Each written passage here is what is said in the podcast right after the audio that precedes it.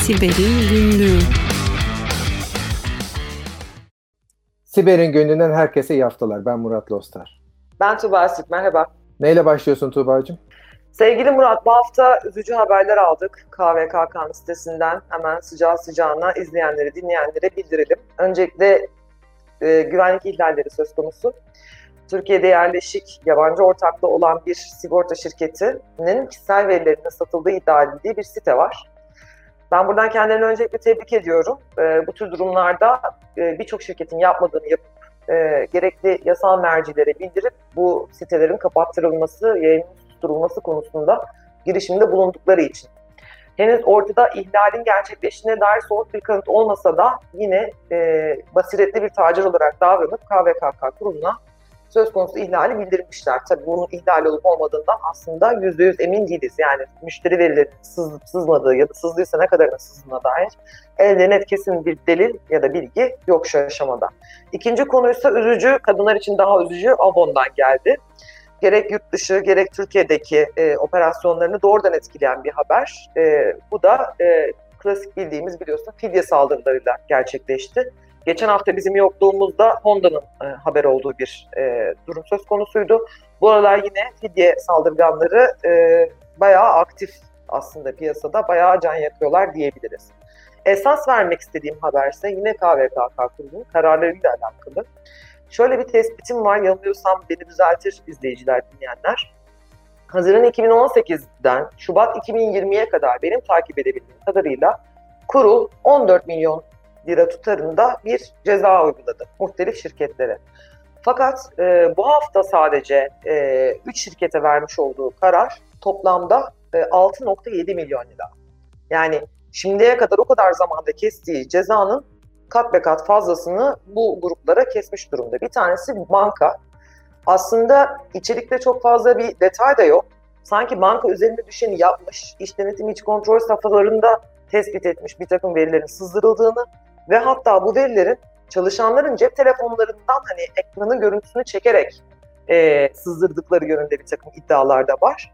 E, buna rağmen e, astronomik bir rakam yani 1 milyon lira e, tutarında bir para cezasıyla karşılaştı. Biliyorsun bankalar da pek çok e, buluşta olduğu gibi pandemi nedeniyle zor günler yaşıyor. E, 1 milyon lira cezayı nasıl e, ödeyecekler, e, nasıl bunu e, yönetecekler bilmiyoruz. Dört tane faktörü şirketi var yine ceza alanlarının arasında. Bu da e, biliyorsun TBB'nin bir risk merkezi var. Hani orada işte evet. bizim e, kredilendirilirken ya da bir sigorta yaptırırken e, nasıl bir riske maruz kalınacağını hesaplamalara e, yarayan bir sistem. Bu risk merkezi üzerinde dikkat çekici miktarda sorgu yapan art niyetli çalışanlar söz konusu yine burada da. E, yine bu çalışanlardan kaynaklı e, 1.4 milyon liralık bir e, ceza durumu söz konusu şirket başına. E, bir de oyun şirketi var. Aslında benim de oyununu oynadığım, çok da severek takip ettiğim bir oyun şirketi. Bu oyun şirketinde de yaklaşık olarak 40 bin tane Türk oyuncu var. E, bu Türk oyuncuların da içerisinde bulunduğu bir müşteri veri tabanının açığa çıkma durumu söz konusu. Bu şirkete de e, toplam işte ihmalleri ve geç bildirmesi gibi sahil sebeplerden ötürü 1 milyon 100 bin lira tutarında bir para cezası uygulandı bu hafta itibariyle. Tuğba'cığım oldukça büyük ve önemli bir haber paylaştın. Ee, dışarıdan bakınca bir tane ama içine girince bir sürü farklı bileşeni var. Oldukça da değerli bileşenler. Ben öncelikle e, son söylediğin oyun değil ama bir önce söylediğin factoring şirketlerindeki kötü niyetli çalışanlarla ilgili olarak fikrimi paylaşmak istiyorum. Bu oldukça önemli bir konu. Her şirkette ne, ne kadar önlem alırsak alalım meraklı olan önündeki e, ekranlarda haklarıyla önceleri belki sadece kendisine, arkadaşına, daha sonra e, etrafına, belki para karşılığı başkalarının e, risk skorlarına bakan insanları bulmak mümkün. E, bu konuda çok basit ama çok etkili bir önlem aklıma geldi. Önlemi duyduğum kişiden bahsedeyim. Biliyorsun Amerika'da en önemli konulardan bir tanesi vergi konusudur. Bu Amerikan vergi dairelerinin e, bilgi güvenliğinden sorumlu kişi benim çok eski bir arkadaşım. E, onunla olan bir sohbetimizde anlatmıştı. Orada da vergi dairesi çok büyük miktarda bir çok e, büyük bir, bir e, çağrı merkezi var. Çok çalışanı olan ve oradaki herhangi bir çağrı merkezi çalışanı da e, başkandan tut herhangi bir e, Amerikan vatandaşının tüm vergi bilgilerine ulaşabiliyor ve vergi bilgileri sadece detayları değil, yapılan harcama vesaire detayları da içerdiği için oldukça değerli bilgiler içeriyor. Ee, bunun için birçok önlem e, almış durumdalar. Ee, bir kısmı son derece karmaşık ve e, iyi ama bir tane çok basit bir önlem var. O da şu.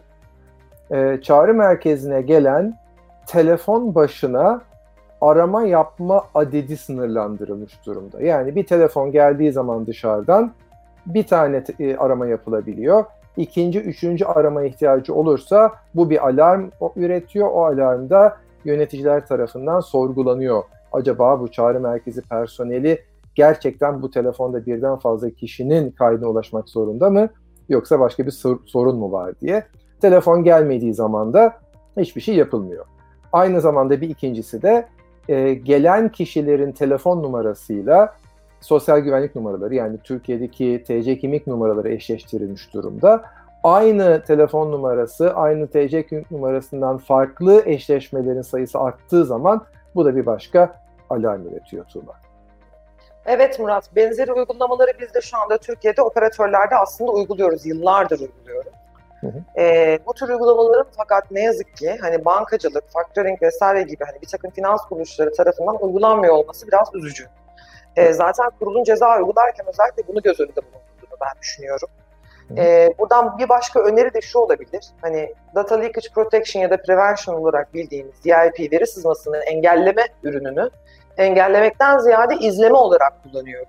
Kurulun bu konuda böyle bir bakış açısı olduğunu ben e, bizzat deneyimledim. E, özellikle neden engellemiyorsunuz, neden sadece izleme safhasında kalıyorsunuz ve aksiyona geçmiyorsunuz konusunda sorgulama da bulunuyor kurul. E, benim bugünkü haberim e, modern zaman Robin Hood'una ait. E, Wikileaks ve Wikileaks'in kurucusu Julian Assange'a. E, Tuğba'cığım biliyorsun Assange aslında e, devletlerin kendi içinde gizli tuttukları bilgileri kanuna da aykırı olarak internette yayınlayarak ünlü olan bir gazeteci. Teknik bir adam değil. E, fakat e, bu gazeteci e, Wikileaks sitesi sayesinde tüm e, dünya liderlerini e, biraz e, nefretini çekmiş durumda kendi üstüne. E, ve bu nedenle e, uzun bir süre kaçak yaşadıktan sonra 2019'dan beri İngiltere'de tutuklu yargılanıyor. Ama e, hemen e, karşı tarafta, okyanusun öbür tarafında Amerika Birleşik Devletleri de Assange'ı bize iade edin deyip onun üzerine bir takım e, ekstra e, bilgilerde bulunuyorlar, dava açmış durumdalar ve işte suçlu iadesiyle ilgili Amerika ve İngiltere görüşme halinde. E, Amerika'nın şu bugünkü başkanı Donald Trump da başkan olmadan önceki bilgileri de dahil olmak üzere Wikileaks'e yayınlanan çok miktardaki veri nedeniyle aslında Assange'a karşı bir kin besliyor olabilir diye düşünüyorum. Çünkü Wikileaks'te Trump yazdığımızda çok miktarda veri geliyor. Şimdi ise gelen haberse bir hayli ilginç. Bir kere çok eski bir veri. E, 2012 yılına ait bir veri Tuba. E, ve diyor ki e, bu dönemde 2012 yılında e, Wikileaks'in kurucusu Julian Assange e, hacker gruplarına yanaştı ve bir takım bilgileri elde edebilmek için hackerları kullanmak istedi. E, bu hacker gruplarında iki tane hacker grubunun ismi öne çıkıyor. Bir tanesi çok iyi bilinen, çok ünlü gruplardan Anonymous. E, diğeri de e, Lutzek.